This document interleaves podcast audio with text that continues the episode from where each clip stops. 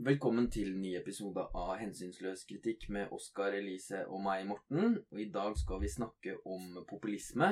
Og nå er det litt sent allerede, men eh, vi gir et eh, forsøk. Så første spørsmål blir hvorfor tar vi opp det temaet her? Hvorfor er det verdt å snakke om eh, populisme? Um, populisme er, er, kanskje et av de politiske fenomenene i nyere tid som er mest omdiskutert, og, og en liksom, synlig ny utvikling i det politiske landskapet. At det har oppstått mange nye populistiske partier. Sånn at i statsvitenskapen så går det mange debatter om om, om det her er bra eller ikke, om disse populistene bidrar til å fornye demokratiet eller til å ødelegge det. Ikke sant? Det går liksom en veldig sånn debatt mellom type populistiske eh, statsvitere og, og, og, sånne liberale antipopulister. Ja. Som, som, hvor det er en greie. Hva mener du forskjellen på de? Altså, om disse nye populistiske partiene som appellerer til folket og mobiliserer mot eliten, som det eksisterer en del av etter hvert, da, i form av Enten man snakker om høyrepopulistiske partier, som kanskje Frp har tendenser til å være i Norge, eller man snakker om venstrepopulistiske partier, som Podemos i, i Spania, um, Melanchon i Frankrike, kanskje Enhetslisten i Danmark altså Det er liksom en del partier som, som, som har en annen, en annen, politisk stil enn det som var vanlig før. Som, og det, er, det kaller man liksom populisme. Så det er et fenomen man må diskutere, selvfølgelig. da. På demos omfavner de vel til og med positivt selv, liksom at de liksom eksplisitt er venstrepopulister, gjør de ikke det? Ja, ja. ja. De er mm. eksplisitte, og enhetslisten faktisk også til dels, da. Um, der var det en sånn svær en sånn partireformasjon som ble gjennomført av det, I hvert fall ifølge legenden gjennomført av en Pelle Dragstedt. Og, og, han er jo en erklært venstrepopulist og bruker begreper til de sentrale venstrepopulistiske tenkerne for å begrunne hva de gjør i enhetslisten. Det er de vanlige danskene mot eliten osv. Så, videre. så de bruker det helt målretta, da. Men også, også eh, selvfølgelig høyrepopulistiske partier, da. Ja. Og så har vi da sånn som konkret tekst så har vi tatt utgangspunkt i Chantal Mouffe sin artikkel 'Den populistiske utfordringen'. Ja. Ble oversatt av uh, Vardøger, så det er, uh, har stått på trykk i det tidsskriftet. Og er tilgjengelig på nett liksom, i en sånn norsk oversettelse.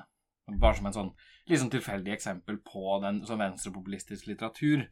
Men, men uh, utvilsomt så er Chantal Mouffe den viktigste venstrepopulistiske teoretikeren i dag, og uh, litt sånn eldre. Altså Hun var en samarbeida med Ernesto Laclau, som er liksom den andre store teoretikeren. Som liksom, utvilsomt de mest sentrale populistisk, pro-populistiske teoretikerne, liksom. Og alle som kaller seg populister, knytter mer eller mindre an til henne, hvis de har et sånt reflektert teoretisk forhold til det, i hvert fall. Så ja. det gir oss en pekepinn på hva vi har å jobbe med her skulle vi sagt noe mer om dem to sånn helt i starten, eller hva? Ja, det kan vi eh, sikkert gjøre. De, det er jo De er jo gift. Eh, oh, eller eh, jeg tror de var gift, i hvert fall sammen. Hadde et, ja. et, eh, et eh, Jeg tror de var gift. Men de var i hvert fall sammen. Moff er fra Belgia og Laclava fra Argentina. Og, og, de har liksom hatt et sånt intellektuelt partnerskap også, da eh, siden 80-tallet. Midten av 80-tallet så ga de ut en bok sammen som het eh, Hva den heter den? Hegemoni og sosialistisk strategi eller noe sånt? Ja, nettopp. Jeg, jeg har skrevet den, så jeg burde skrive Ja, Hegemony and Socialist Strategy. Eh, og det var en sånn veldig sånn sentral Det var nesten en politisk begivenhet. Den boka eh, ble veldig innflytelsesrik. Og det markerer startpunktet egentlig for den eh, venstrepopulistiske teorien, da, kan man nok si. Og det, den, det, det går ut på, er at det begynner da som en sånn intern Eller som et oppgjør med marxistisk teori, som de mener er for økonomiorientert. Den er Den har en veldig tilbøyelighet til å redusere alt til økonomi, eh, ikke minst ved å redusere alt til klasse. Ja. Um, og eh, det fungerer bare ikke er liksom deres overordna poeng. Sånn at uh, vi trenger en politisk forståelse som ikke reduserer politikk til økonomi, men som har en forståelse for det særegne ved det politiske, og eh, ja Som er litt mer pluralistisk, eller et eller annet sånt, da.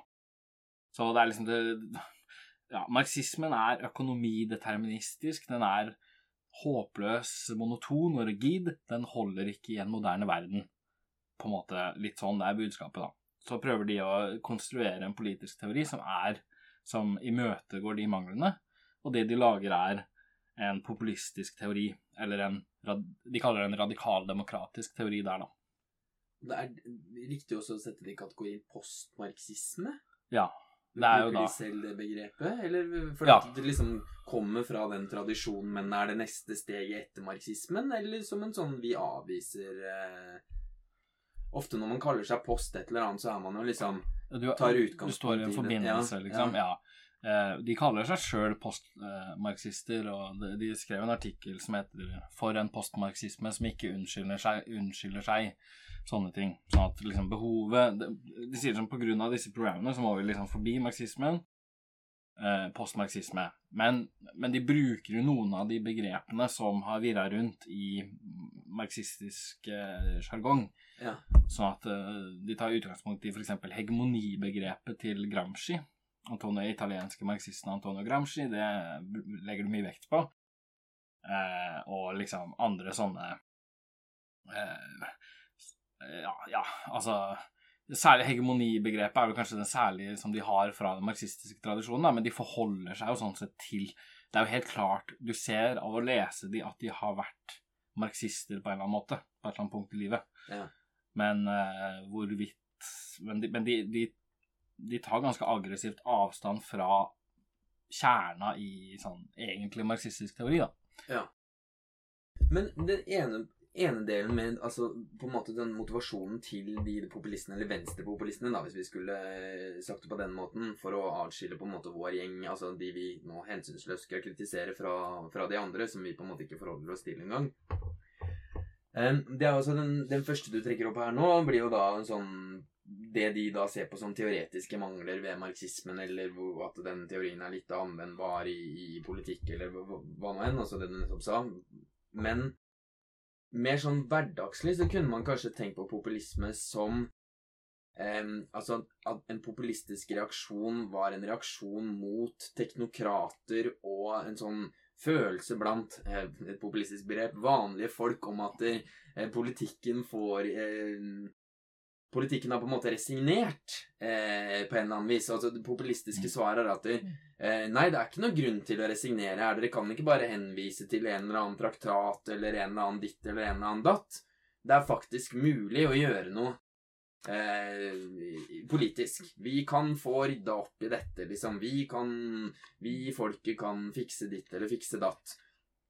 Som for de som ikke på en måte er teoretisk skolert, kanskje framstår som en en vel så på en måte Eller hvis noen skulle finne på å kalle seg eh, populist eh, nå, som ikke var skolerte, så tror jeg ville at det var det som var, eh, var kanskje motivasjonen deres, da mer enn en sånn eh, avstand fra marxismen. Og vet ikke om jeg skulle tillatt et, et, kort sitat der, men hun, hun Moff skriver i den i den eh, artikkelen som vi nettopp eh, nevnte, så har hun en sånn eh, ja, Den er kanskje litt lang, men hun skriver politikk er blitt et teknisk spørsmål om hvordan man skal administrere den etablerte orden, et område som er forbeholdt eksperter. Det eneste som postpolitikken tillater, er en veksling av makten mellom to partier, et sentrum venstre og et sentrum høyre. Alle som protesterer mot denne sentrumsenheten, oppfattes som ekstremister og blir beskrevet som populister. Og så bla, bla, bla videre rundt det.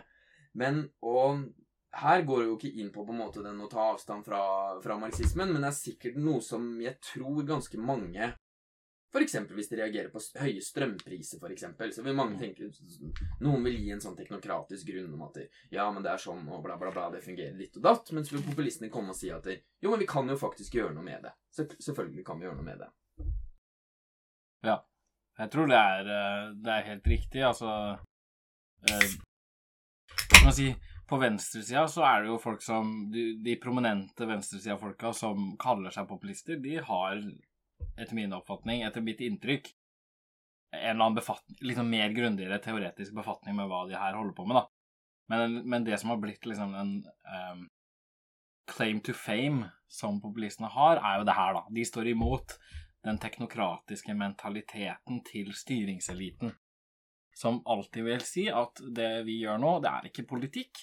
Det går ikke an å bestride det vi gjør. For at det er liksom innskrevet i, uh, i tingenes nødvendighet. Vi må uh, bygge North Connect, ikke sant? fordi at det er simpelthen sånn strømmarkedet, funger, strømproduksjon fungerer. Det er et globalt system og så videre sånn. Ikke sant? Det er ikke noe vits, å vi, kan, vi trenger ikke å ta den diskusjonen engang. Pengepolitikk, det er noe som en sentralbanksjef som har bomba litt i Libya, skal holde på med i fred.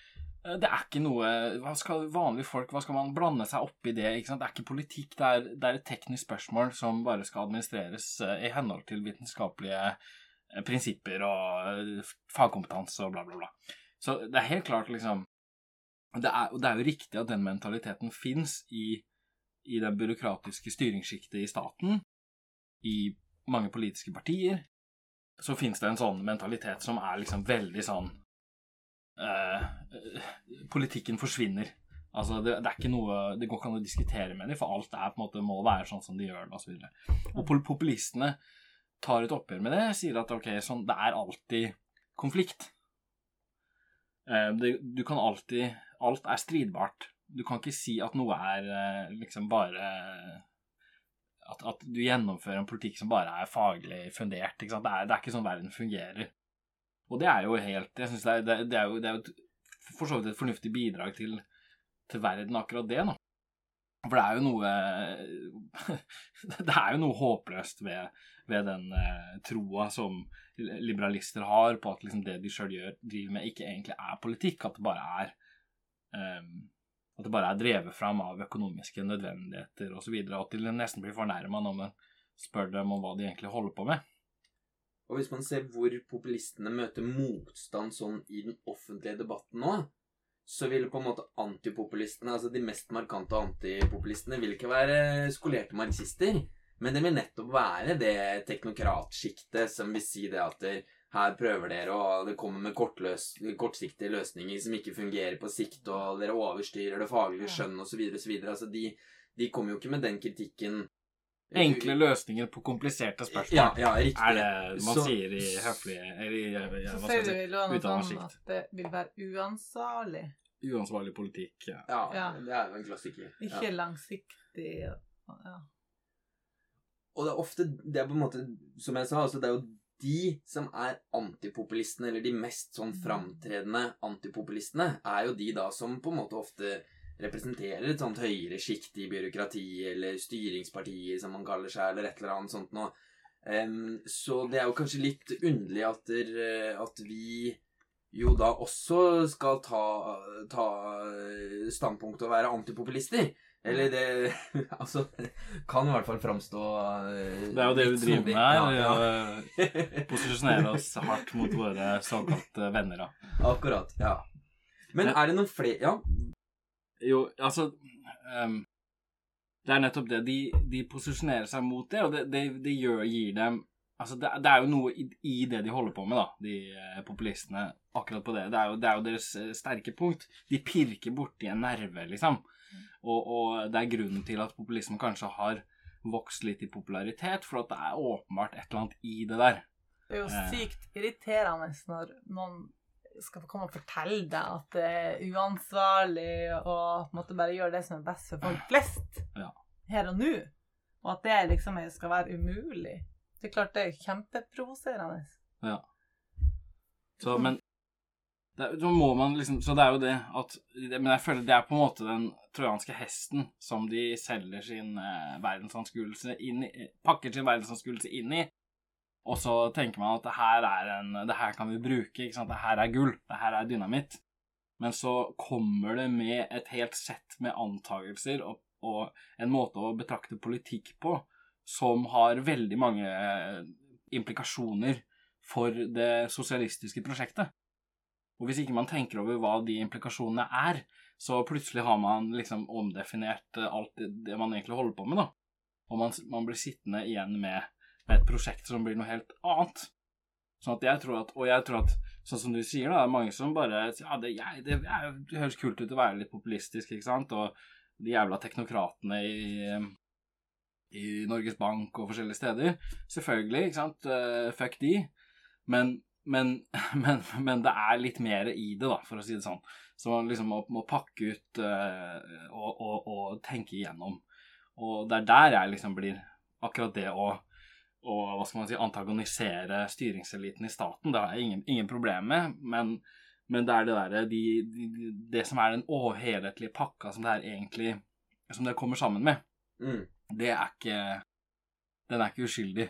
Den er, den er eh, full av eh, implikasjoner og, og, og greier, da. Så der må man liksom tenke over. Og, og, det, og det er nettopp Altså, det er fristende å på en måte å være sånn eklektisk og si ja, jeg, selvfølgelig, marxisten har rett, ja, klassekamp er viktig, og økonomi er viktig, men populistene er også litt sånn, ikke sant. Mm. Men her er det et, liksom, et uforsonlig fiendskap mellom to leirer som er adskilt med en, en elv av ild, da. Ja, for her må jeg vel innrømme at jeg har vel vært litt frista til å tenke at der, kan man ikke bare plukke litt altså I tidligere tider kan man ikke bare plukke litt fra populistene på sitt beste, liksom, så slipper vi dette veldig teoretiske begrepsapparatet i alle mulige sammenhenger. Og så kan vi være sånn Ja, ja, det er arbeiderklassen som ligger til grunn, og det er de som skal ha den historiske oppgaven, osv., osv. Men av og til så kan vi tillate oss en populistisk språkbruk hvis det er det som er formålstjenlig. Men det kommer vi nok sikkert litt mer, mer inn på etter hvert. Hva skulle du si, Elisa? Ikke noe? Nei, jeg tror ikke det. Nei. Men du sa jo det med at de her liksom starta den på, på 80-tallet. Altså de kom sammen og ga ut den boka i 85, var det det du sa? Eller at det var liksom den store, store hendelsen. Men det sånn Altså, med folket som Altså, folket som det politiske subjektet, eller hva vi skal kalle det for noe, det er jo mye eldre. Og bærer kanskje liksom sånn Norsk populisme har kanskje brukt, eller har det begrepet folket fra også noen andre enn en, Moff og, og Laclau. Det er klart, altså folket og det å appellere politisk til folket er jo sånn siden greske antikken og så videre, sånn en gammel tradisjon. Men, i, vi, men hvis vi da snakker om liksom som en internt på venstresida, da, Mm. som er den uh, hvor vi, vi fører vår podkast som en intern kritikk av avvikende fløyer på venstresida. Og der er, det, der er det noe som er spesielt med det med, med populismen, at den, den, appellerer, den vil mobilisere folket, og nettopp ikke arbeiderklassen. Det er liksom et, et nøkkel, og det skiller seg jo fra det som det skiller seg ikke nødvendigvis fra det som eh, skjer på venstresida i dag, eh, i liksom SV og Rødt og der er det jo mye folket man snakker om, da. Men, men, tidligere så var det jo arbeiderklassen man appellerte til. Og populismen er jo nettopp et brudd med det. Altså, de, de beveger seg helt bevisst, med viten og vilje, bort fra å fundere sin politikk på arbeiderklassen til å gjøre, tufte det på folket. Og, og det der har du noen forløpere, vil jeg si, som er eh, interessant å, å merke seg, liksom. Sånn ja, Det går Um, altså, for at i Hvis du tar uh, sånn som i, uh, i Kina under uh, Mao og, og, revolusjonen der sånn, så var man jo i en situasjon hvor den utvikla arbeiderklassen ikke var så forferdelig stor. Sånn at det ble naturlig, kanskje nødvendig, å appellere til folket mot eliten. ikke sant? Mer sånn folket Skille mellom folket og fienden. Uh, og ikke så mye arbeiderklassen. Altså Arbeiderklassen smelta inn i, en litt sånn større kategori sammen med andre småkårsgrupper og progressive grupper osv. Så videre. sånn at maoismen er jo en sånn en, sånn sett en forløper. For at det her blir jo også kodifisert inn i ideologien. Mao har en artikkel som heter 'Om motsigelsene i folket', hvor han uh, reflekterer over det her, og, og på en måte i sin typiske stil så kverulerer seg liksom fram til at hovedmotsigelsen ja, Noen ganger så går den mellom arbeid og kapital, men noen ganger så kan den jo skifte, og så går den mellom ikke sant, for alle mulige forskjellige Alt ettersom den eh, omstendighetene, den opportune situasjonen, så kan liksom den skifte, og noen ganger så går det mellom folk og, og, eh, og en invand, liksom invasjonsmakt og forskjellige sånn. Sånn at liksom arbeid og kapital mot sigelsen er bare én av mange aksjer da, som det her går mellom. Og det liksom kan si Døra er åpna for en litt mer sånn populistisk forståelse. Og, og det ble jo typisk for maoistiske bevegelser også at de, at de appellerer til, til, massene mer enn de appellerer til arbeiderklassen, egentlig. Fordi, ja, på grunn av historiske omstendigheter i Kina, rett og slett. At bøndene er mye, en mye større gruppe enn arbeiderne. Og det sitter jo fortsatt litt i Norge, det. Altså den den det begrepsapparatet der, gjør ikke det? Altså, altså Bjørgulf Brånen har enda ikke kommet seg fra Ja, for eksempel. At bøndene er fortsatt en del av massen, da, for å si det sånn. Men jeg så det på en eller annen sånn venstre Venstre Ja, skal vi ta en uh, liten klut, da. Ja, da har vi tørka opp sølet og er på plass igjen. Um, ja, vi var på Mao og. Brannens ja. arv osv. og så videre. Altså, det, der har du i hvert fall en sånn Man, man fokuserer mer på massene. Og, og, Ja. og det var også sånn Noe, noe lignende skjedde i den sovjetorienterte delen av, av bevegelsen. Hvor man hadde For det første, du hadde På 20-tallet så hadde du en sånn ultravenstreperiode. Hvor eh, det var liksom bare arbeiderklassen som liksom eh, som var i fokus, og, og det var den sosialfascismelinjen. Sånn at eh, kommunistpartiene i Komintern de skulle bryte ut av alle samarbeid med reformistiske sosialister. Splitte fagbevegelsen i to, ikke sant? For, at, for at sosialdemokratiet var bare fascister med et annet navn, eller litt sånn mildere fascister. En veldig sånn ekstrem ultravenstrelinje.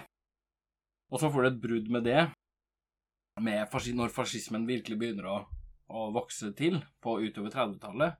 Og da går man liksom helt til den motsatte ytterlighet, da, hvor man skal mobilisere folkefronter som er så brede som mulig, og som inkluderer ikke bare de sosialdemokratiske tendensene, men også de liberale, borgerlige, alle antifascistiske, alle ikke-fascistiske bevegelser, for å på en måte eh, lage fronten så bred som mulig.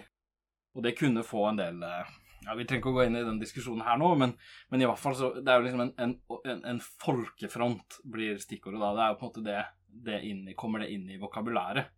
Og så ut av det så, så går det noen tiår med stalinistisk styre osv. Og, så og så får man det som kalles eh, den antimonopolistiske strategien, som var det som ble dominerende i de, kommunist, liksom de sovjetorienterte kommunistpartiene. Og der var poenget at ok, man skulle lage en, en, en allianse mellom alle antimonopolistiske krefter. Altså alle krefter som ikke tilhørte det store monopolborgerskapet. ja, så man skulle ha med småborger og hele suppa, da. Du skulle, ikke sant, Det er ikke bare arbeiderklassen lenger. Det er ikke bare arbeiderklassen pluss bønder, som man kanskje har snakka om før. I, eh, på Marx sin tid så snakka man til og med om sånne mulige allianser, eller i hvert fall tilslutninger. Men, men nå er det til, ikke sant, du utvider til småborgerskapet, og til, til og med deler av det ordinære borgerskapet. For å liksom lage en front mot det store, monopol, store monopolborgerskapet som i den eh, sovjetmarxistiske analysen var det som hadde uh, makta, Akkurat. eh, og så videre sånn. Sånn at liksom der var det heller ikke arbeiderklassen som, som utgjorde kjerna lenger. Nei. Og, eh, og, og, og det, liksom det som skulle føre fram til sosialismen, det var, det var en sånn bred, diffus klasseallianse. Ikke sant? Og, sånn at det blir liksom veldig uklart hva som er hva, da. Så det som er veldig klart hos Marx, at for han så er det sosialismen oppstår når, og bare når, arbeiderklassen frigjør seg sjøl. Og fordi at arbeiderklassen er en klasse som, som, som, eh, som kan gjøre slutt på klasseutbytting, for at den ikke selv utbytter noen an andre klasser. Sånn at liksom det er det som det, Den har liksom en unik posisjon som, som gjør, den, gjør at den kan, ved å frigjøre seg selv kan frigjøre alle andre i samfunnet. Ja, det er vel et ganske sentralt punkt, det her. Hvorfor Mm. det er en så spesiell eh, Altså hvorfor det, arbeiderklassen er en så spesiell klasse eller eh, samling, eller hva vi skal kalle det for noe. Altså, det er jo en klasse. Eh, Sammenligna med f.eks. Eh, folket som kategori, da. Ja. For eh, det ligger jo ikke der det frigjøringspotensialet i i folket så ligger jo ikke det frigjøringspotensialet som det ligger i arbeiderklassen. Jeg husker da jeg leste den boka, den eh, 'Hegemony Socialist Strategy', så merka jeg meg det at da, der skrev de at det ville alltid eksistere en sånn motsigelse mellom folket og eliten, og det ville aldri komme til et opphør av den motsigelsen, altså en sånn endelig form for forsoning eller frigjøring, eller hva man skulle kalle det for noe. Mm. Det ville aldri skje. Så for meg så framsto det på en måte som den sånn ultimate taperposisjonen, der hvor du sier det at ja, eh, eliten kommer til å styre over folket, og det er de som er fienden vår, og det kommer alltid til å eksistere en elite, og, er, og folket kan ikke frigjøre seg fra den eliten, så det eneste vi kan gjøre, er på en måte å drive og klage og syte og bære oss over denne eliten, men det, det er på en måte potensial i folket som kategori til å frigjøre seg. Det, det ligger ikke der. Det er, Den fødes nesten som kategori i, kraft av at det eksisterer en elite, omtrent. Men skulle du sagt noe mer om, eh, om hvorfor har arbeiderklassen i seg det potensialet? Du sa det jo, men også utbokstavere det kanskje enda litt eh, mer? Det, er, altså det jo, ligger i hvert fall veldig sånn sentralt i eh, marxistisk teori. Altså i teorien til Karl Marx. ikke sant? At det er på en måte noe helt unikt ved arbeiderklassen. Eh, og, og hvis du Altså Vil du sånn si hva du mener med arbeiderklassen? ja, eh, Hvis vi tar den enkle definisjonen til Marx da, i eh, Kapitalen, så sier han jo sånn at eh, eh, en proletar er en som kastes på gata så fort han ikke forøker eh, monsieur kapital. Eller så fort han er overflødig for behovene til monsieur kapital. Det er noe sånt. Så det er sånn noenlunde Vi snakker om en, en klasse som, er, som, som beriker kapitalister. Som, beri, som produserer for og, be- og, eh, og beriker kapitalistene, og som kastes på gata så fort de ikke klarer å gjøre den oppgaven lenger. Ja, også på en litt mer moderne måte så betyr det på en måte folk som må selge Som bare har sin egen arbeidskraft. Ja. Og selge for å få inn penger til å reprodusere seg sjøl.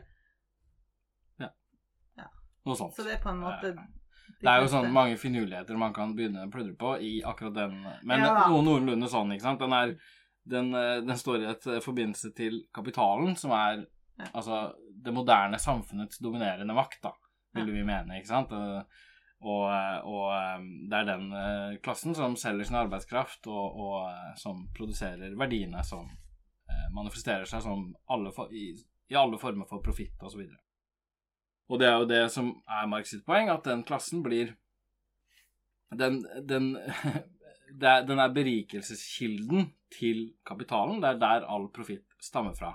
Det gjør, på, gjør også at, at det er ved å utvikle Hvordan er det kapitalen egentlig produserer profitt i større mengder enn før? En veldig sentral del av det er at den er nødt til å Altså, det vil si utvikle produktiviteten. Ikke sant? Og, og en litt sånn enk, forsimpla måte å si det på er at man snakker om at det er teknologiske nyvinninger og sånne ting. Men det er en veldig sånn Det er, det er en veldig forsimpla borgerlig måte å se det på. Marx sitt perspektiv er litt annerledes. Det er ikke bare at liksom, kapitalismen innfører teknologiske nyvinninger. Det er at måten du, utvider, du utvikler produktiviteten, er ved å utvikle samf det samfunnsmessige arbeidet. Altså arbeidet er, er samarbeidende. Noe av det som gjør at mennesker kan produsere eh, i et stort omfang, er at de samarbeider når de arbeider. Og noe av det som den, den vesentligste momentet i utviklingen av produktiviteten, det som gjør at det blir produsert mer, er at det samarbeidet blir utvikla. Sånn at flere mennesker samarbeider om å produsere ikke sant, større mengder ting. Og det samarbeidet blir mer intrikat og utvikla. Og der ligger det at, at faktisk at, at arbeiderklassen er bæreren av den utviklinga av det samarbeidende arbeidet. Og i kraft av det så kan den samarbeide på tvers av kapitalen også. Sånn at liksom av underordningsforholdet som den står i til kapitalen, så kan den opprette et samfunn tufta på samarbeidende arbeid hinsides kapitalen. Et samfunn av assosierte produsenter, som Marx kaller det. Eh, og det er liksom den muligheten som oppstår under Fordi at arbeiderklassen er liksom underlagt kapitalen, utvikler seg på dens premisser, og dermed så oppstår det frigjørende muligheter på grunn av det. Så klasser og grupper som ikke er underlagt kapitalen, som selvstendige produsenter, butikk, sant, selvstendige butikkeiere, bønder osv., de tar jo ikke del i den utviklingen og, ut, og, og representerer derfor ikke den samme eh, frigjørende muligheten. Sånn at liksom det er sånn Det her er jo bare helt, helt avgjørende for, for det, det poenget til Mark som at arbeiderklassen er en klasse som ved å frigjøre seg selv, kan, som får muligheten til å frigjøre seg selv gjennom kapitalismens utvikling, fordi at den liksom bærer Den er bæreren av det samarbeidende arbeidet som utvikles i kapitalismen. Og, og, og det behovet for å gjennomføre et sånt brudd blir større etter hvert som den, det utvikler seg. da.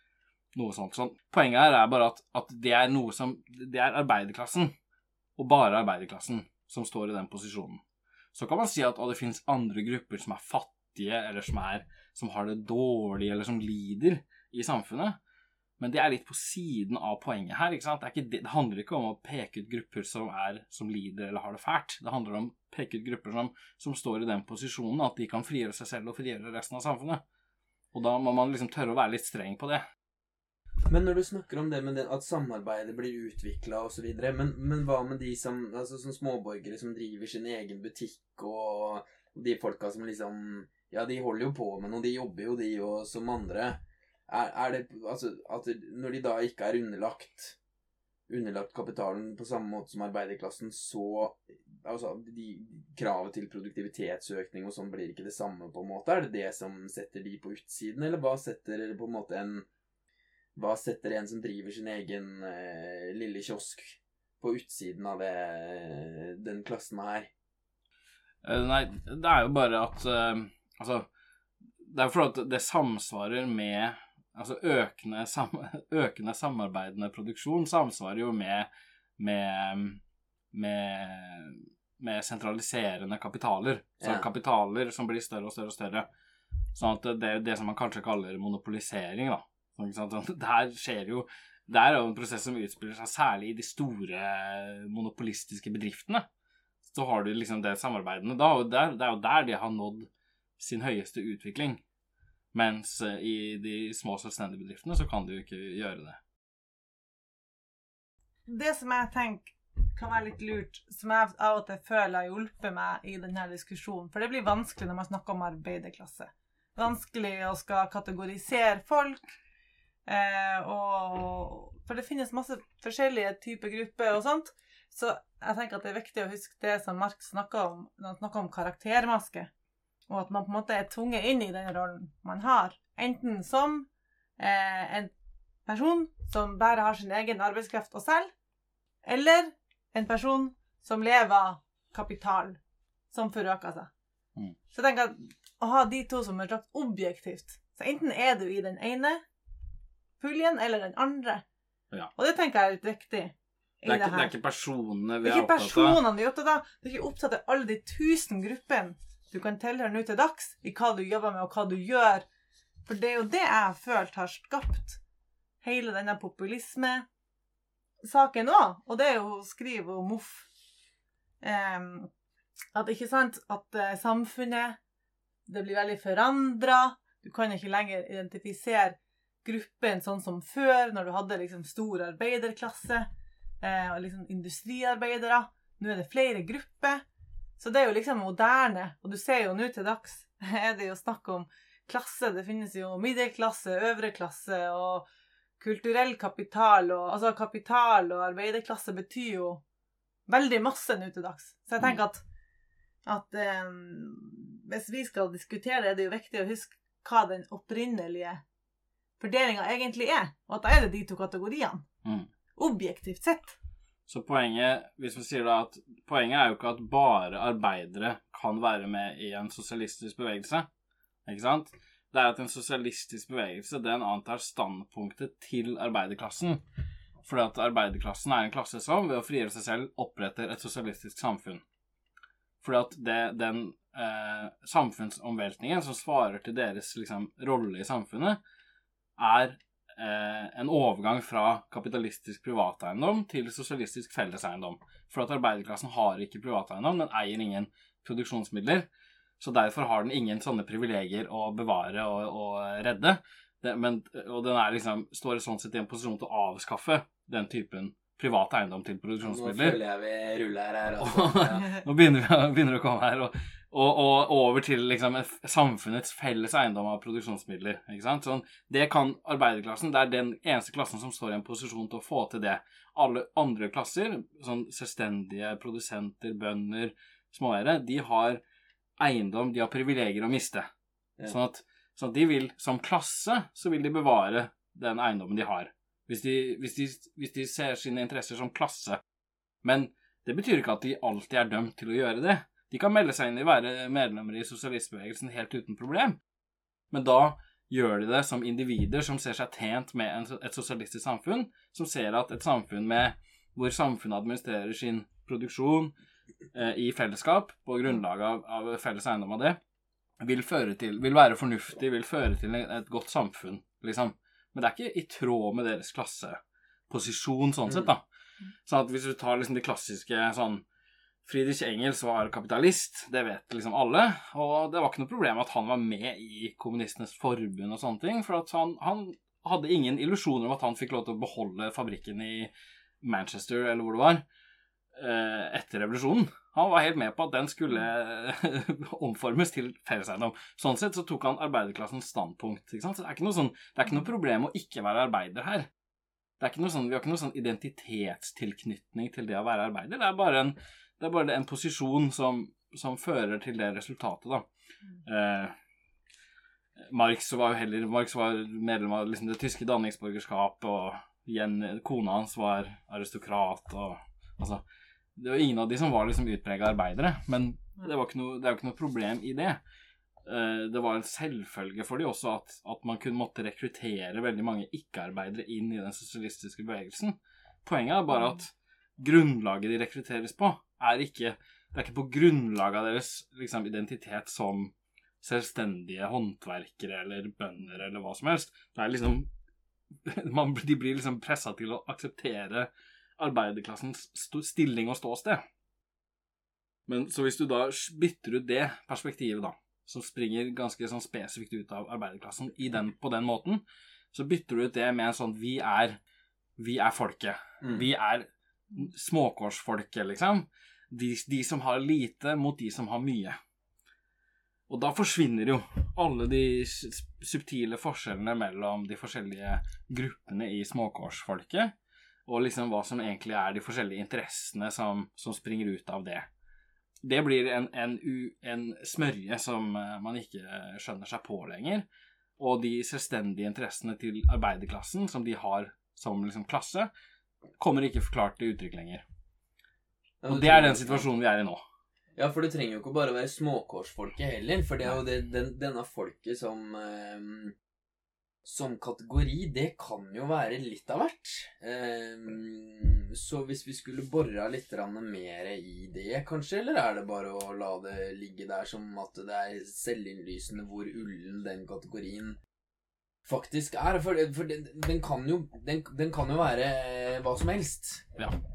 Ehm, at, ikke sant, Man sier jo ofte det i en folkeavstemning som man kanskje sier etterpå, at folket har talt når, når 51% sier det ene og 49% sier det andre, så er, så er det jo da de 51% som er bærerne av folkets vilje i det ene, som kan skifte mening uh, uka Mm. etter, og det er på en måte hvordan folket framtrer i møte med forskjellige saker, eller hvordan det blir formidla, det er veldig Det er på en måte ikke analytisk klart hva er folket. Mm. Det er en veldig sånn flyktig kategori. Og det er jo Laclau og Moff fra et teoretisk standpunkt veldig klar over. Og det er det som er bra med det. Det er Ja. derfor de bruker det. ikke sant? Det er nettopp det som er fordelen med folket, at det er så flyktig, og det kan det skifter betydning, ikke sant? kan ikke spikres fast. Og der har du det, liksom. Det er det man trenger.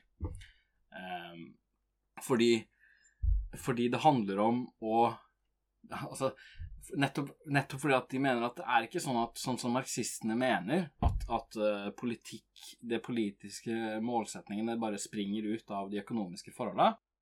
Nei, det fins ingen sånn forbindelse. Sånn at uh, det, det, må liksom skapes hver gang. Og det skapes av ved at man uh, smir sammen en Altså, det, det er, samfunnet består på en måte av masse atomer som på en måte ikke har noe nødvendig med hverandre å gjøre, men alle har, har noe de irriterer seg over i samfunnet. Og så må man smi sammen en sånn kjede, en de kaller en ekvivalenskjede, og få folk til å identifisere sine problemer med hverandres problemer, sånn at man liksom kan sveise sammen et kollektivt subjekt som kan oppnå noe. Det er liksom det populistiske prosjektet, og det gjør du ved å appellere til folk som folket, og stille dem i motsetning til en elite. Sånn at du, du, trenger et skille mellom oss og dem. Og vi er liksom Vi er de brede massene. De er de råtne eh, elitene. Vi er gode. De er dårlige. De forpurrer samfunnet. Vi bygger samfunnet. Den type retorikk, da. Det er liksom Det er the bread and butter of eh, populism, på en måte. Men hva er det de vil oppnå, egentlig? Ja? For at Hvis du ser på sånn som du, du gjenga det her med arbeiderklassen, så ligger på en måte inn, målet der veldig bakt inn i, i analysen av det politiske subjektet. At det, målet er det klasseløse samfunn. Mm. Og det er jo helt suverent, liksom. At det er analytisk klar avgrensa kategori med et klart mål og interessene der osv. Videre, og, så og så har vi da denne flyktige kategorien folket og på en måte men, men, hva er populistenes Eller venstrepopulistenes mål, da? Eller altså Laklaumov må vi kanskje spørre om for å konkretisere det mer, men, men det er jo ikke noe vits i å bare ha, ha slagord og, en, og en, eh, et flyktig subjekt hvis det ikke er noe du vil, vil oppnå med det, eller? Ja, det, det er her det begynner å bli litt uh, hårete, kanskje, da. For at ja. uh, nettopp det Altså, de, det er veldig diffust hva som egentlig uh, det, deres teori, altså deres teori som sådan, virker helt sånn Virker ikke å ha noen tydelige implikasjoner av hva som burde skje. Ikke sant? Det er liksom bare en De sier at Det de sier, er at politikk er simpelthen sånn at det, den eneste måten å mobilisere politiske subjekter på, er ved at man liksom adresserer dem, og så stiller dem i motsetning til en fiende, bla, bla, bla. Altså, det, det, som vi har kalt populisme, det, de mener egentlig at all politikk nødvendigvis er sånn. Sånn at den, den populistiske operasjonen, at du liksom mobiliserer et folk og stiller dem i motsetning til noe, det er, bare, den, det er egentlig den eneste måten å mobilisere folk på. Og det er ikke Og det er bare sånn universet fungerer. Altså, de, de, de, liksom, de går så langt. De sier bare sånn Det er bare det, det er bare sånn mennesket er. Det kan ikke forandres på. Det er bare Sånn er det fiks ferdig. Sånn at på en måte så er det ikke noe sånn Det er ikke noe man vil, eller ikke vil. Det er bare sånn verden er. Men ja. så vil de jo bruke det til noe. Men du kan si den teorien som sådan, den har liksom ikke noe sånn om den går i høyrepopulismen eller venstrepopulismen eller hva som helst. de har ikke noe, satt noen måte å velge mellom det ene eller det andre, egentlig. Og tvert imot så så er jo hele poenget deres også at, at, at politikk er nettopp ikke-rasjonelt. Altså, du kan ikke du kan ikke avgjøre Hvis alle forsøk på å si at politikk er noe som kan avgjøres rasjonelt, det er eh, teknokratisk. ikke sant? Da har du forsøkt å opp, da, da prøver du å um, å fjerne det politiske, vil de si da. Mm. Sånn at politikk, det er Tvert imot, det kan ikke avgjøre politiske spørsmål på en rasjonell måte. Det er uavgjørlige, og det er bare fiender, liksom, som kjemper mot hverandre, og de som vinner, de vinner. De har vel et sånt uttalt mål, i hvert fall noen steder, om liksom et radikalt demokrati. Det er ikke det de snakker om? Ja. At de vil oppnå det? Jo da. Men eh, så det, Man kan si at med det som uttalt mål, så virker det jo Det første jeg tenker meg, at det er jo positivt. demokrati tenker man jo på som positivt. Radikalt demokrati, det høres jo positivt ut. Og så blir Eh. spørsmålet hva er det substansielle innholdet i det? Ja. Og det er liksom det jeg sier nå, da. Ja. Altså at, uh, at, at det ikke kan At politikken kan ikke ha et innhold. Altså du kan ikke, du kan ikke forbestemme hva som er det politisk riktige, liksom. Nei. Sånn at, sånn at da- er det bare Så det radikale demokratiet, det er bare en, et, det er bare en åpen prosess hvor det her får utspille seg. Sånn at de kan liksom ikke bestemme De kan ikke si noe definitivt om sånn er det, det som er fornuftig, det ville være sånn og sånn. For det vil være helt i strid med deres teori, da. Som, og det er derfor altså Teorien deres er egentlig sånn sett grunnleggende sånn irrasjonalistisk. Og den bunner og grunner egentlig i en, i, i en oppfatning om at den, den som har makt, den har rett. Den som setter sin vilje igjennom og får gjennomslag, liksom, den har Det er ikke noen måte å avgjøre det utafor hva som faktisk skjer. Og, og det er skyld... Så det er, jeg syns det er ganske hårreisende, egentlig, da. Og det er jo der som blir liksom Ok, den populistenes kritikk av, eh, av eh, hva heter det, Stoltenberg i, som sentralbanksjef eh, Ikke har blitt det ennå, men, men Ja, det hørtes fint ut, men, men, så, men det er det her det egentlig baserer seg på. Og der blir jo forskjellen sånn som en marxist vil også være enig i at alle forsøk på å opp på politisk nøytralitet i et samfunn sånn som vårt, vil, er Mm. fake. Men det er fordi vi lever i et klassedelt samfunn. Sånn at eh, i et klassedelt samfunn, hvis du forsøker å si at ah, vi, vi bryr oss ikke om politikk, nå skal vi bare styre samfunnet sånn som det er fornuftig å styre samfunnet, da har du liksom, eh, kve, eh, liksom satt klassemotsetningene til sida. Og det du egentlig har gjort, er å opprette et teknokratisk styre som garanterer kapitalens overlevelse. ikke sant? Du har liksom knust det, det vil liksom være en veldig sånn fascistisk knusing av arbeiderbevegelsen, egentlig. Det er den eneste måten du kan late som at du er nøytral på i et klassedelt samfunn for en marxist.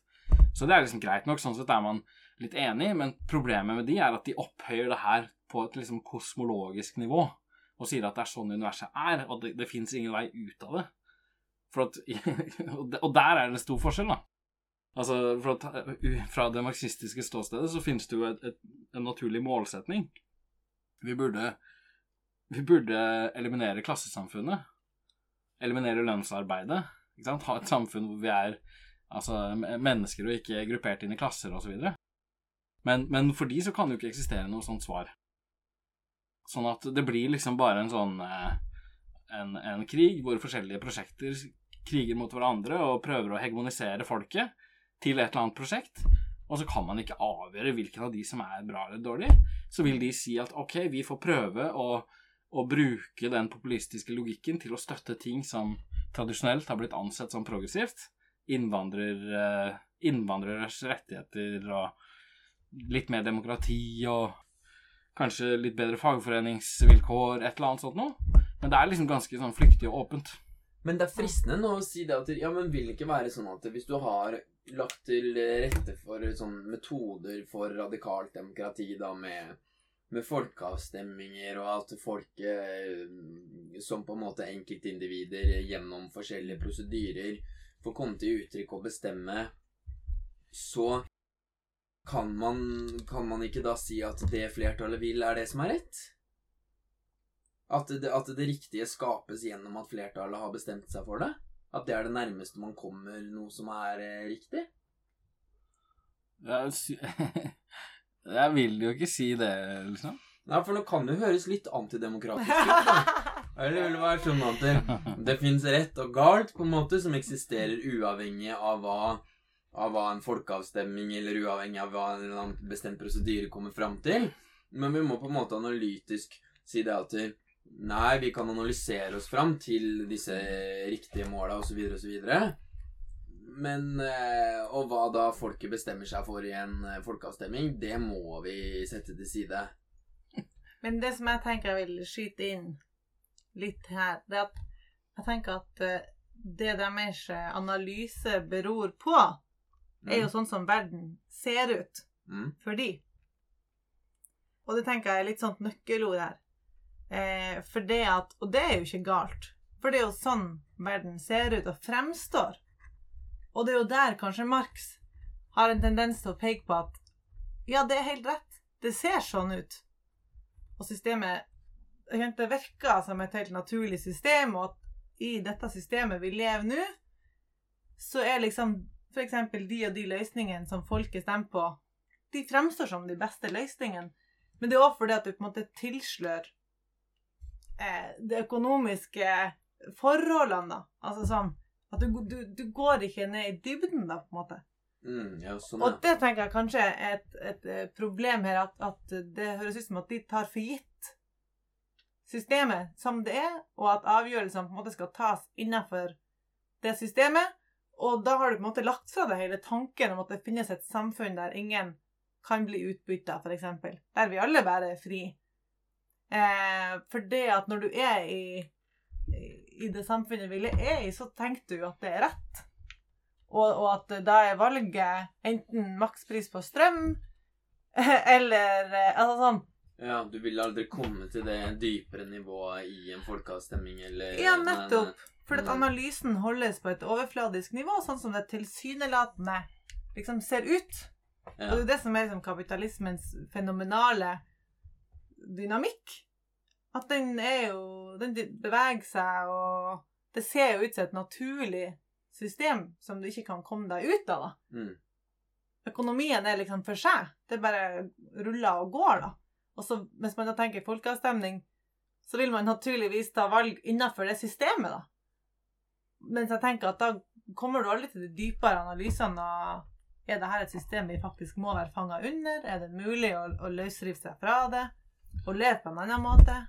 For det, som er, det som blir det overordna problemet, er at Laclau og Moff de formulerer politiske spørsmål på en måte som gjør alt mulig, unntatt å bryte ut av kapitalen og bryte ut av kapitalismen. Ja. Det forsvinner bare fullstendig ut av Ja. deres eh, eh, Den mulige horisonten, egentlig. Og det er litt sånn Det er der også problemet oppstår. Jeg har ikke noe problem Hvis man vil ha på død og liv vil ha et par for folkeavstemninger, så ok, liksom. Men, men problemet er at det er, det er ikke der Det er ikke det som, som gjør at jeg sover dårlig om nettene. For å si det sånn. Det er, det er mer at Altså, de sier jo sånn eksplisitt at altså, Det er sånn tullete marxistiske teoretikere som snakker om eh, kapital og kapitalisme og klasse. Eh, og de kaller det fiktive størrelser, altså fiksjoner. Det er ting som ikke eksisterer engang, og som i hvert fall folk ikke skjønner seg noe på. Det man må snakke om, er eliten og eh, finanskapitalen og de transna- multinasjonale selskapene. Altså, de håndgripelige fiendene. Det er finanskapitalen snakker vi veldig mye om. Og det har vi jo adressert i en egen podkast. Skal ikke trenge å eh, tvære på det, men de multinasjonale selskapene, sånne ting det er, ikke de, det, er, det er de håndgripelige fiendene vi må ta.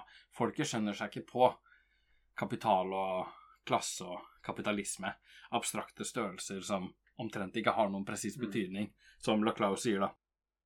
Sånn at, sånn at Ok, vi fokuserer på de håndgripelige fiendene, men de håndgripelige fiendene, de eh, næringslivseliten i Norge, eller hvem det finanskapitalisten i Norge, hvem du vil, det er jo ikke de som Det er jo ikke de som har Som står for opprinnelsen til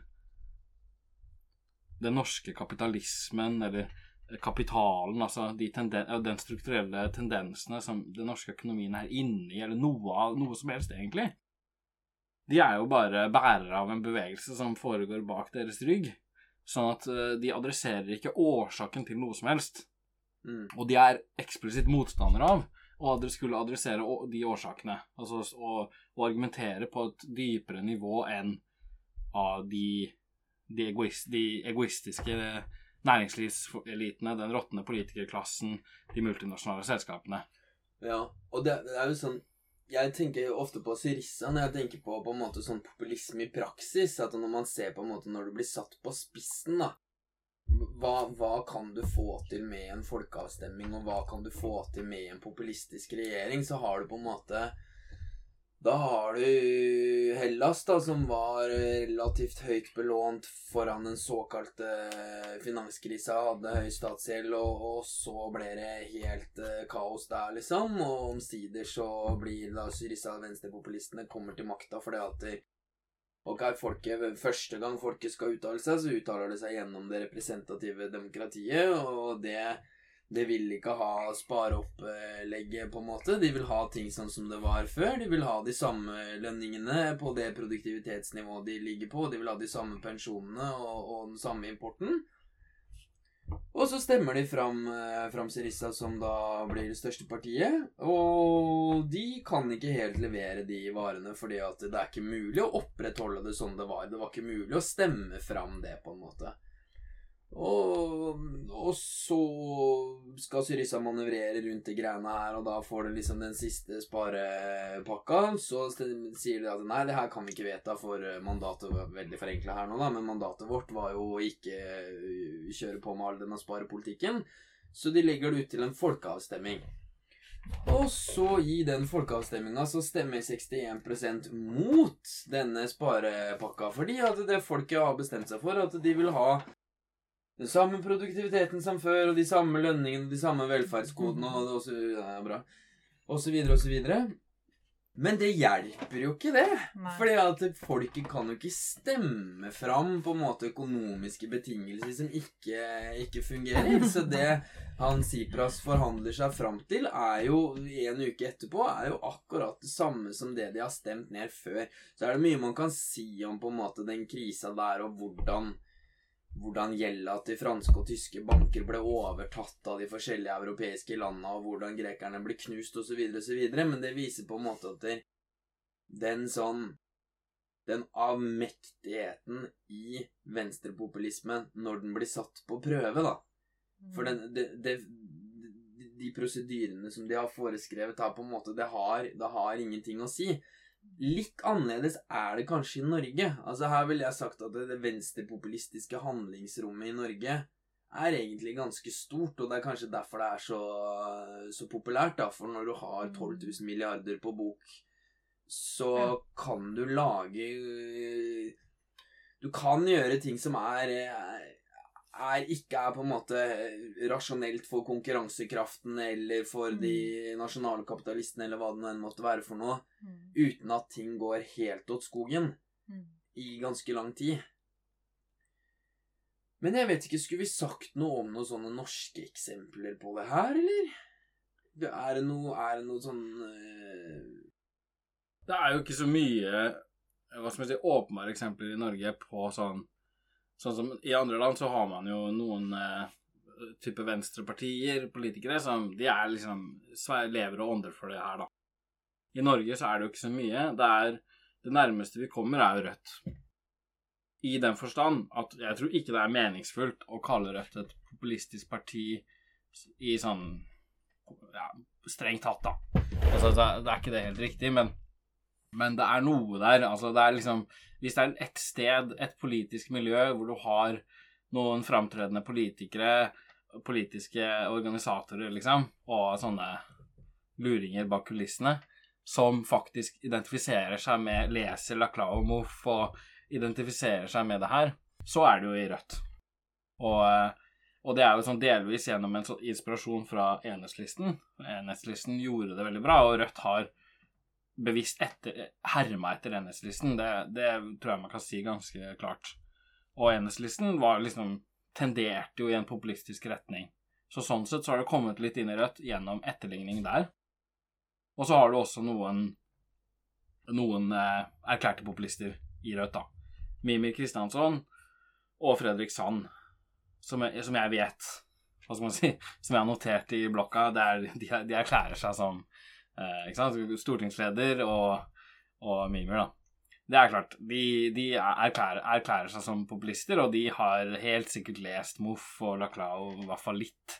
Eh, Og, og sånn generell Liksom generell sånn Ja, den type teori. Men er det eksempler på der det bærer galt av sted? da? At der den populistiske inspirasjonen på et eller annet vis bærer galt av sted? Eller er det bare en sånn inspirasjon som dukker opp i enkeltdrypp her og der, der hvor det ikke er noe egentlig problematisk med? Man kunne jo tenkt sånn at de, ja, ja, så gjør det litt bedre på meningsmålingene, og så er det noe utspill her som eh, kanskje er litt populistisk inspirert, og ditt og datt, men men hvis vi skulle hatt noen problemer med det, så måtte det vel vært at det var eh, det var et eller annet som enten lenger, eh, lenger ned eh, liksom kan føre til problemer, eller at det allerede nå bidrar til noe problem på et eller annet vis. Jeg mener jo at det er noen store Altså, det, det, det skal ikke Det, det, jeg vil si som eksisterer av problemer, skal jeg ikke legge på verken sand eller mimer, da, for så vidt, men det er liksom som større problemer med venstresida i Norge, og det er jo nettopp at man er, har en mye større tilbøyelighet til å snakke om småkårsfolket og, og arbeiderne er liksom de fattige og sånt noe, og ikke liksom ikke snakke om arbeiderklassen sånn som sosialister skal snakke om arbeiderklassen. Ikke sant? Ikke som en ynkelig klasse som, som er de som har det vanskeligst og som lider, men som en eh, Altså som, som, en potensielt revolusjonær klasse. Da. Der, der, der føler jeg sånn tendensen til å omtale arbeiderne som liksom de som lider mest. Det er forferdelig, og det må man slutte med, for guds skyld. Og dermed, i forlengelsen av det, tendensen til å omtale arbeiderne som Altså, de eneste som er arbeidere, er de som lider. Det ble liksom neste skritt. Og det er sånn eh, en populistisk tilnærming til det, da, ikke sant? Det er De, de elitene velter seg i luksus, og dere har det hardt og vanskelig og sånn. Det er på en måte ikke Du treffer ikke det Du treffer ikke det, den faktoren som skaper muligheten for sosialistisk politikk. Ikke sant? Som er, som er liksom den livssituasjonen til, til arbeiderne som liksom en klasse, da, som har muligheten til å til å, å, å um, som, altså Poenget er jo at det her er en gruppe som ved å kjempe for sine egne klasseinteresser gjør samfunnet bedre for, uh, for oss, oss, som ikke er med i den klassen også, ikke sant? Sånn at man kan liksom støtte det på den måten. Ikke fordi at å, dere har det så ille og jeg håper at dere får det litt bedre for at dere har det så fælt nå, liksom. Det, det, det er jo så patetisk og uinteressant. Uh, jeg støtter arbeiderklassen. Jeg håper at de vinner gjennom, får gjennomslag, for at dermed så skaper de et bedre samfunn som jeg kan leve i også.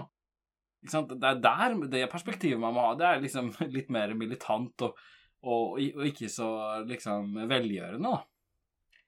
Og en annen ting jeg tenker på som er litt sånn Vi må snakke om problemer, det er sikkert ikke sånn spesielt for Norge, men sånn generelt det her med retorikken 'folk elite'. Men i Norge blir det jo brukt en del òg.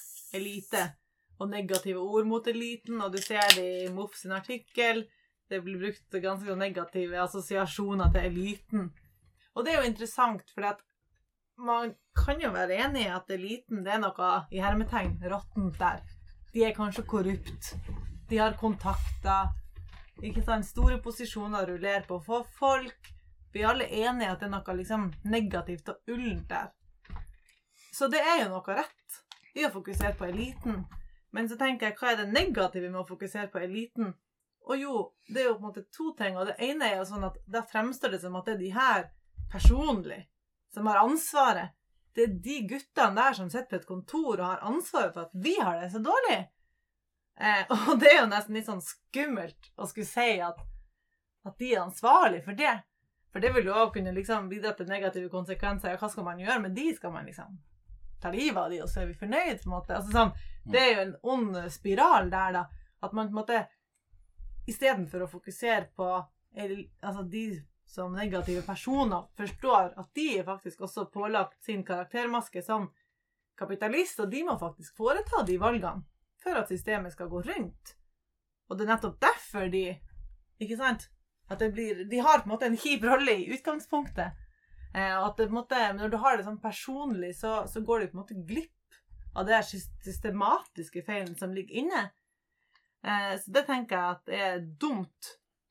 Eh, at du på en måte holder det på et veldig sånn lett plan og bare snakker ja. stygt om den klassen i stedet for å analysere mm. samfunnet litt dypere og kunne gått liksom angre på strukturene. Der kan man jo si noe om norsk, altså retorikken til norske sosialister, da, for å si det litt bredt, at det er veldig mye sånn rich-bashing. Altså sånn. Jeg har gjort meg skyldig i det flere ganger. Ja, ja, og jeg har ingen problem Det er sånn greit. Altså, det, det er, det er, men det er, man må ha, være veldig klar på at, at det her Vi oppnår ikke så mye med det. Vi, vi adresserer ikke årsaken til problemene. Og kanskje mobiliserer vi litt støtte, men liksom hvis det er det som er hovedfokuset, at det er, at det er eh, rich bashing, og eliten gjør sånn og sånn, så, så, så bruker man på en måte ikke man, man skolerer ikke grunnplanet sitt til å forstå liksom årsaken til at de har det som de har det, og til at eh, årsaken, de virkelige dype årsaksstrukturene som fører til de problemene man opplever, men man bare liksom og her har du en politiker som har gjort sånn og sånn, eller en eh, kapitalist som Eller en, en eh, langrennsutøver som flytter til utlandet, osv. Altså, det er liksom det som blir greia. Og det er klart at det er jo på en måte liksom Det er liksom Se og Hør eh, venstresidepolitikk, da. Ja, og det skaper jo også, som du er inne på, Elise, liksom en tro på at det du egentlig bare trenger å forandre da, er å bli kvitt de personene på den ene eller den andre måten, og så er problemet løst. Nettopp. Så at når det blir formulert på den måten der, så Bare vi ikke hadde hatt den type eliter, så hadde så problemet vært løst. Liksom. Ja. Og det er jo Det ville jo ikke ha løst noen ting, Nei. selvfølgelig. Nei. Og det er jo nesten litt dumt, for det er jo en seriøs kritikk mot folk på toppen. Ikke sant? For det at det å inneha sånne maktposisjoner, og all den makten du har når du er i samfunnets produksjonsmidler ikke sant? Det blir formulert på feil måte, da.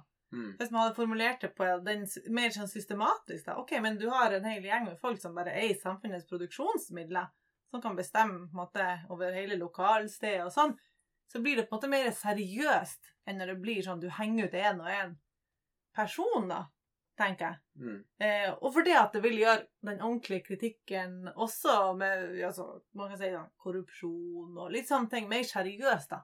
At ja, det er noe forferdelig med eliten, men det er ikke alt. Ikke sant? Eliten er ikke rota til problemet her. Men det er jo en konsekvens av det systemet vi har. Så det tenker jeg er litt sånn dumt eh, i den retorikken som man ser veldig masse av. Det motsatte siden er det jo også da at man får en sånn dyrkelse av den sånn nøkterne eliten. Altså sånn Ja!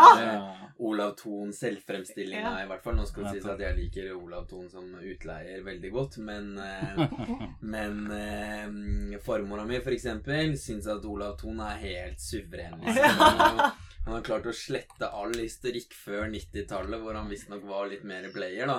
Ah, ja. om seg selv, men nå er det bare 'Å nei, jeg har hytte uten innlagt vann', og gått på langrenn og har hatt en lue her i 50 år, og Ikke sant? Så sånn der um, At da blir Fordi at kritikken av den blir av den dekadente eliten, så fins det også en god elite, og da, nei, da er det plutselig greit, liksom. Da er det plutselig greit at du eier tusenvis av andre sine hjem, da. Um, ja.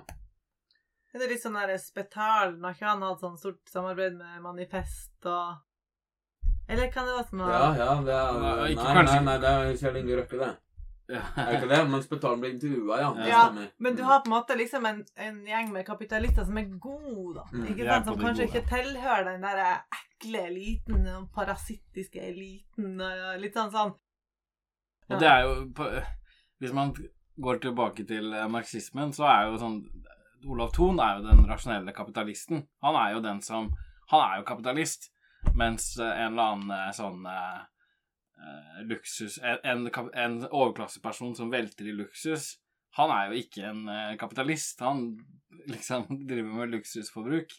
Det har jo ikke noe å gjøre med hans rolle som kapitalist. Det, det er jo bare noe han eh, Det er bare penger han sløser bort.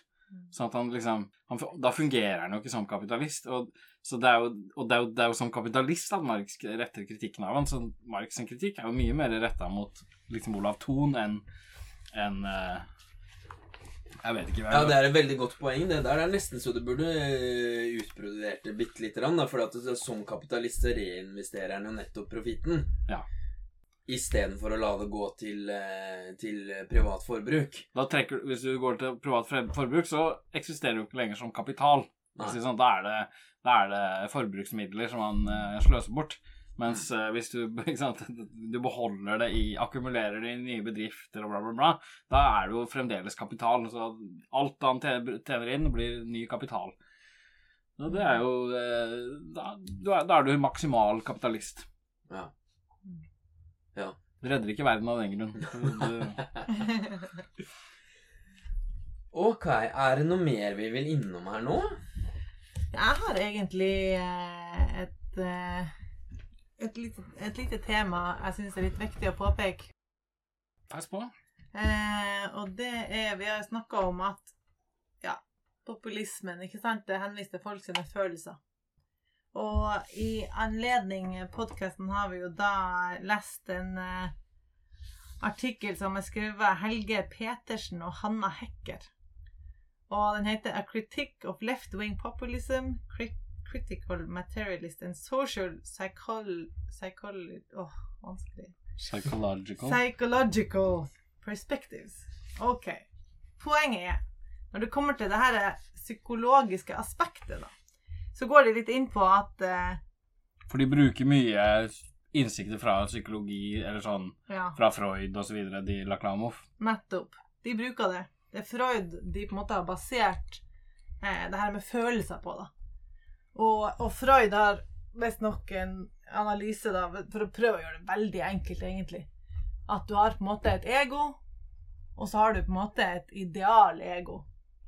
Og i det her idealegoet så på en måte eh, svinner på en måte tanker og følelser som, en, som du får som følge av samfunnet du lever i.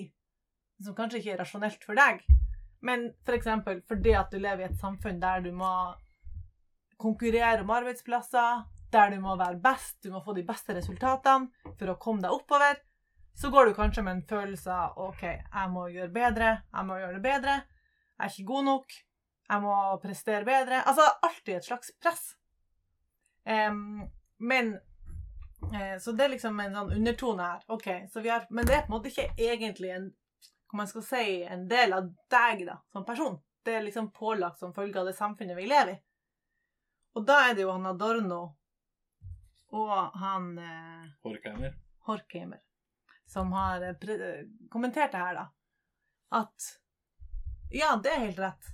Det her eh, er god idealet, da, som de følelsene du får som følge av samfunnet, det er en konsekvens av det samfunnet vi lever i, og det finnes forskjellige måter å liksom respondere på det, da. Og én måte er at OK, du har det presset, og så er det sosiale Eller f.eks. høye strømpriser, da. Og fordi at du på en måte lever i en slags elendighet der du streber hele tida og presser, så får du masse følelser, du blir irritert og sur, og da er det første spontane reaksjonen er liksom å spille ut på de følelsene og bli sur, ikke sant? Og da kanskje tar du det helt ut pga. sånne politiske konflikter, og det er enkelt å mobilisere på bakgrunn av sånne følelser som folk får som følge av at de lever i det samfunnet. Og så sier de men du kan òg respondere på en annen måte til de her følelsene. Og hva vil være følelsesreaksjonen? At du blir liksom sur på de råtne elitene og den Ja, for type ting, eksempel. Ja. Ikke sant? Det er liksom du- de umiddelbare følelsene de umiddelbare som følelsene som kommer. Ja. Og som følge av din liksom, rolle i alt det her. ikke sant? Men så sier de det finnes jo en annen måte å reagere på de følelsene på, og det at du ikke reagerer umiddelbart på de, men du prøver rasjonelt å tenke litt over. Men litt hvorfor syns jeg det er så for jævlig at strømprisene øker? Jo, det er for at jeg går på jobb hver dag og tjener så og så masse. Det er akkurat nok til at jeg overlever, og så skyter prisene i været. Og har ikke råd. Men det råtne i systemet er jo mer lønna jeg får betalt, og at jeg ikke har en annen måte å overleve på enn å selge min egen arbeidskraft. Så vent litt. Kanskje systemet burde vært endra? Vi klarer jo å jobbe i samarbeid, og vi klarer jo å skape så masse nye ting, så hvorfor skal jeg leve under det presset? Vent litt, vi mobiliserer på forandring av systemet. Så de kommenterer på at det finnes forskjellige måter å liksom, hva man skal si, spille på det her eh, med de følelsene du får som følge av samfunnet vi lever i. da. Var det Horkheimer og Adorno som sier det? Mm. Ja. mm, akkurat. Mm. Mens Laclau og Moff, de er mer sånn De appellerer til det følelsesmessige. Mm. Og, og vil ikke, legger ikke opp til noe sånn rasjonell bearbeiding av de uh, følelsene. Nettopp. Og Du der er det noe litt sånn manipulerende og jævlig ved det, på en måte. Ja. Altså, For det er jo på en måte to ting. For en ting er at du på en måte sier at du ikke har liksom tiltro til folk, og at de faktisk har evne til å forstå den rollen de lever under i samfunnet, og betingelsene de lever under. Og at det har noe å gjøre med de følelsene som kommer når ting går dårlig, Og nettopp derfor er det også enkelt å, å f.eks. dyrke et hat mot en annen gruppe, altså eliten, og at det er de Det er så enkelt å gi de skylda. Og da trenger du ikke å For det er vanskelig å reflektere over sine egne følelser. Det er vanskelig hvis du blir sur, å slutte å bli sur, eller å tenke over hvorfor du ble sur, og på en måte gå litt dypere inn i det, da. Eller å, kom, å komme fram til at det er ingen som er Det er ingen aktør strengt tatt som har skylda. Altså sånn en, Det er liksom samfunnsforholdene Ja. vi lever under. Nettopp. Det er ikke eh, en gruppe som på en måte Å, å ta det skrittet. Mm. Altså, du har lyst til å klandre noen, liksom. Ja. Og det er masse enklere, og det vil òg være det rasjonelle, for at i vår verden er vi veldig vant med å tenke sånn type subjektivt, da. Mm. Liksom meg, og hvordan jeg har det, og du, og hvordan du har det, og så ser du naboen, hvordan han har det, og så tenker vi på en måte veldig personplan. Mm. Og, og så er dagens verden òg veldig personplan, for du skal komme deg videre, du skal gjøre det bedre, karriere, bygge deg oppover, få deg bedre lønn, bedre hus. Det er opp til deg sjøl. Og så tenker vi ikke på at dette er systemet som tvinger oss i den reproduksjonen av oss sjøl der vi har kummerlige vilkår. Du kommer aldri til å komme noe lenger. Du kommer til å streve hele livet. Det er bare den rollen du har fått i samfunnet. Og det tenker jeg er litt sånn Man burde prøve å tenke litt mer objektivt på det, da. Men det er vanskeligere, for at, det er ingen å klandre. Men det er jo veldig skummelt og, sånn, når du, sånn du forklarer det her nå òg. Det, det er ikke alltid at folk vil gå Hvis de skal klandre en gruppe, så er det jo ikke alltid eliten som er den gruppen de vil trekke fram og klandre heller, liksom. Nei. Så si at det her skal være det og på en måte den umiddelbare følelsen, og bare du blir sur, så er det riktig de du blir sur på. Det er jo veldig lett å se for seg at det kan skli helt ut òg, da. Så det er jo er jo, På en måte så har jo Eller i hvert fall ville jeg tenkt det, da, så er det nesten lettere å være høyrepopulist enn å være venstrepopulist. For hvis du som venstrepopulist har et eller annet med på en måte som går på levevilkår til folk på en eller annen måte, og du ikke vil angripe kapitalismen, så vil du i historiske perioder, f.eks. hvis du er Hellas nå, da, altså hvis du er venstrepopulist i Hellas nå, så vil du støte på en del du vil støte på en del grenser, så med mindre du går hinsides dem, og flere land med deg går hinsides dem, så vil du ikke få gjort noe med de levevilkåra. Men hvis du som høyrepopulist har eh, det du bare sier at nei, vi skal ikke ha noen innvandrere her, Ja. så er det faktisk en politikk som er mulig å gjennomføre. Altså det er hvis du kan mobilisere på det som program. Også, det er ikke det er ikke en umiddelbar trussel for statens overlevelse å ikke ta imot flyktninger eller asylsøkere. Det er på en måte det det Ok, du har noen, kanskje noen internasjonale avtaler om noe ditt eller datt, men du har på en måte Du kan du kan nesten stenge grensene dine uten at det eh, får noen store konsekvenser for deg, men de venstrepopulistiske programma, det å si det at eh, nei, vi skal øke pensjonene så og så mye mens landet har statsgjeld og produktiviteten er på et visst nivå, det, det, der kommer du på en måte inn i matematiske problemer på en annen måte, da. Men ja. Ehm, flere ting du har på blokka di? Uh, ja, altså Det som du nettopp sier der, syns jeg òg er interessant, for det sier jo Moff i sin artikkel. Mm. At man må passe på. Det kan fort bli en skummel høyrepopulisme. ja. Sånn får jeg følelsen av at hun sier det. Og det er litt interessant.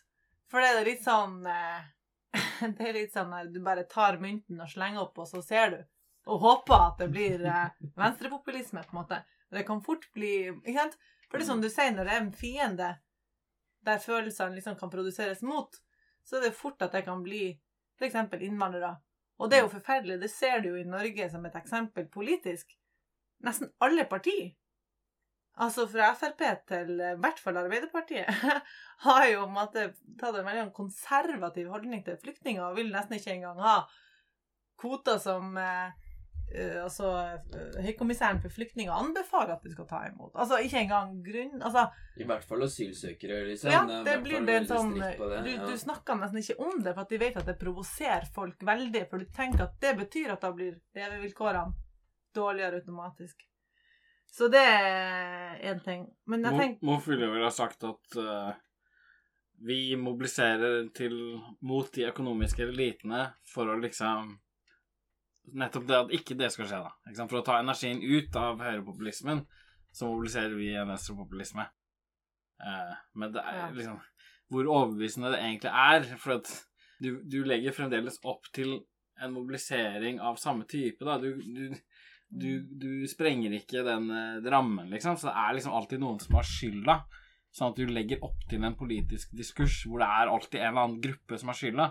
Mm. Sånn at liksom Da er det klart at den, det ansvaret flytter seg fra det, det blir en flytende diskurs, ikke sant. Det ansvaret flytter seg. Nå er det de finanskapitalistene, men så kanskje de får litt lengre nese og Og så kan man jo spørre seg da hvem har liksom Hvilken gruppe i samfunnet har mest ressurser til å kunne på en måte gå ut i medier osv. og, så videre, og påvirke Mm. hvem det er som ender opp med skylda. da Hvis man først er i en sånn nære følelsesland, er det da trolig at det er en gruppe med 3000 asylsøkere som har Ja, ja. kommet fra krigsherja område, eller eh, 400 milliardærer som da på en måte Ja ja, så sponser vi dette magasinet her med 10 millioner, og så holder de det gående, liksom. Det er så eh, Bare i kraft av at det på en måte én gruppe er ressurssterk, Mm. og, og de kan påvirke, så er det Det, det ligger på en måte Det er, det er en av sånn der taperideologi som ligger her, altså. Som er litt Man legger liksom opp til å tape. Ja. Mm. Eh, ja.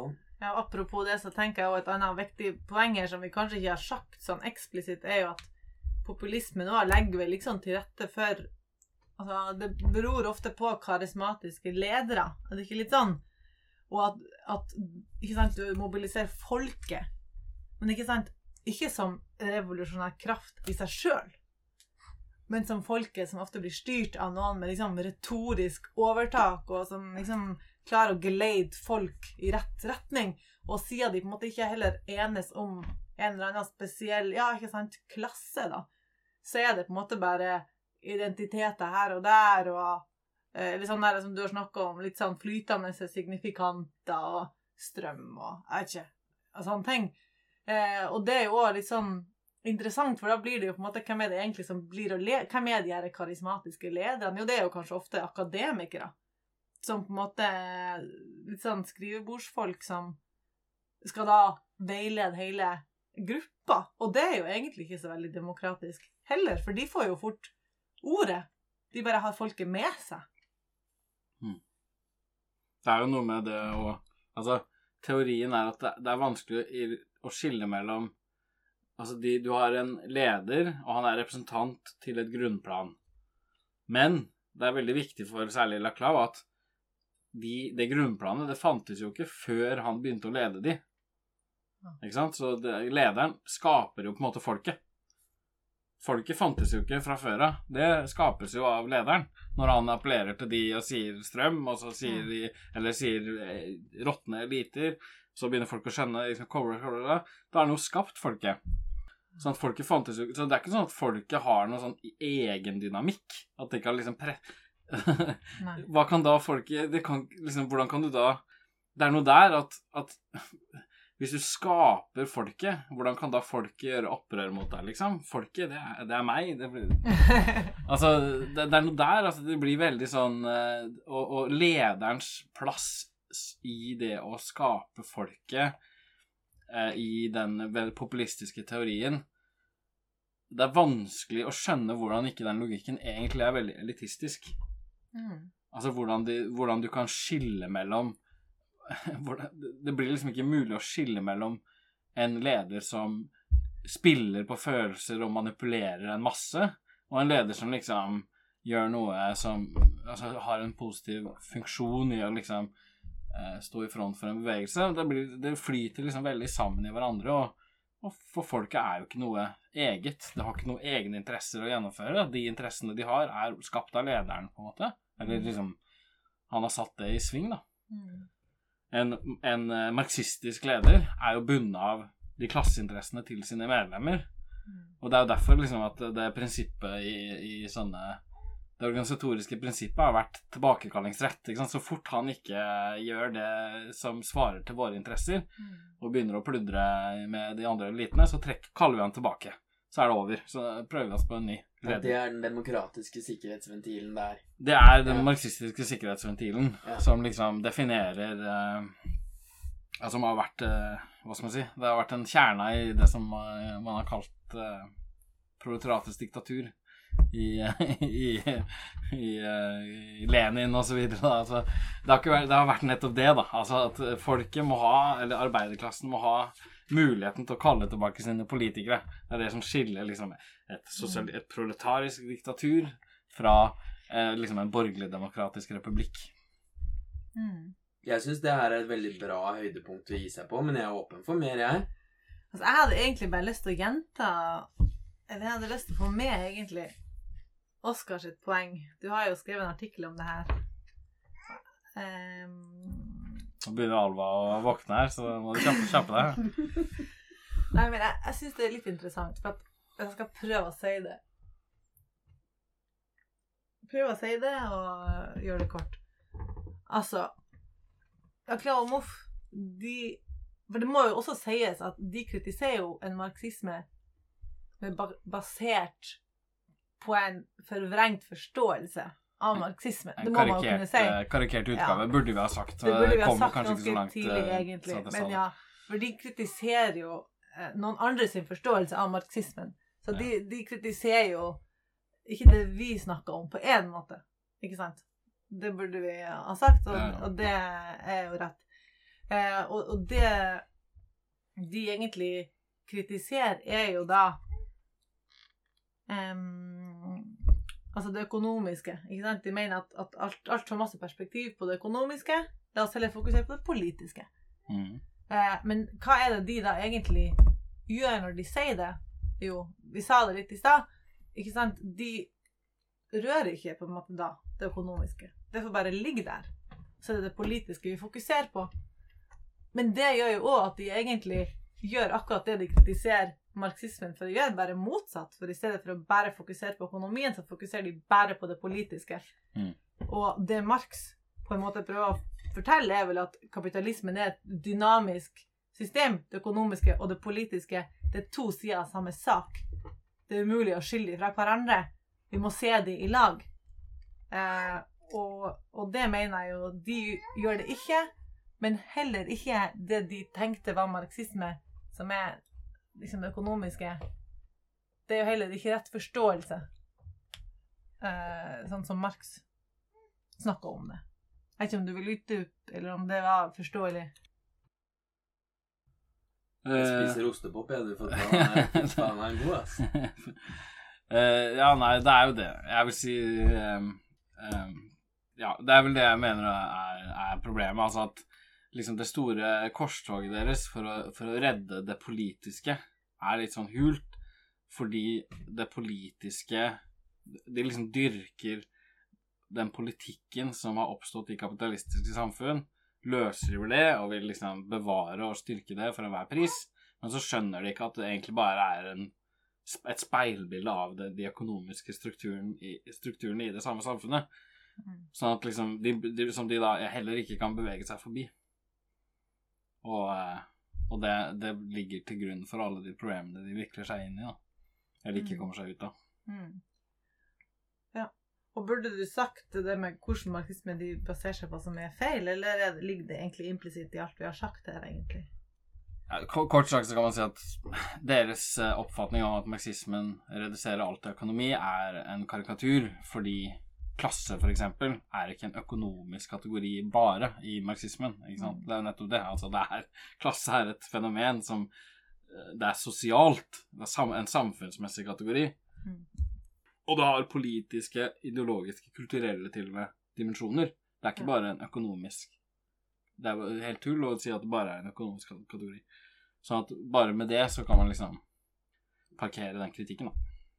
De forutsetter, at, de forutsetter en veldig ensidig økonomisk tolkning av alle begrepene som marxister bruker, og så kritiserer de oss i ettertid for å være økonomister. Men det er, liksom, det blir jo veldig sirkulært. Ja. Ja, jeg tror det var det jeg hadde lyst til å få med. Så jeg er fornøyd. Har du noe mer igjen, du, er? Nei, eh, det får vel holde, vel. Ja, da pakker vi opp.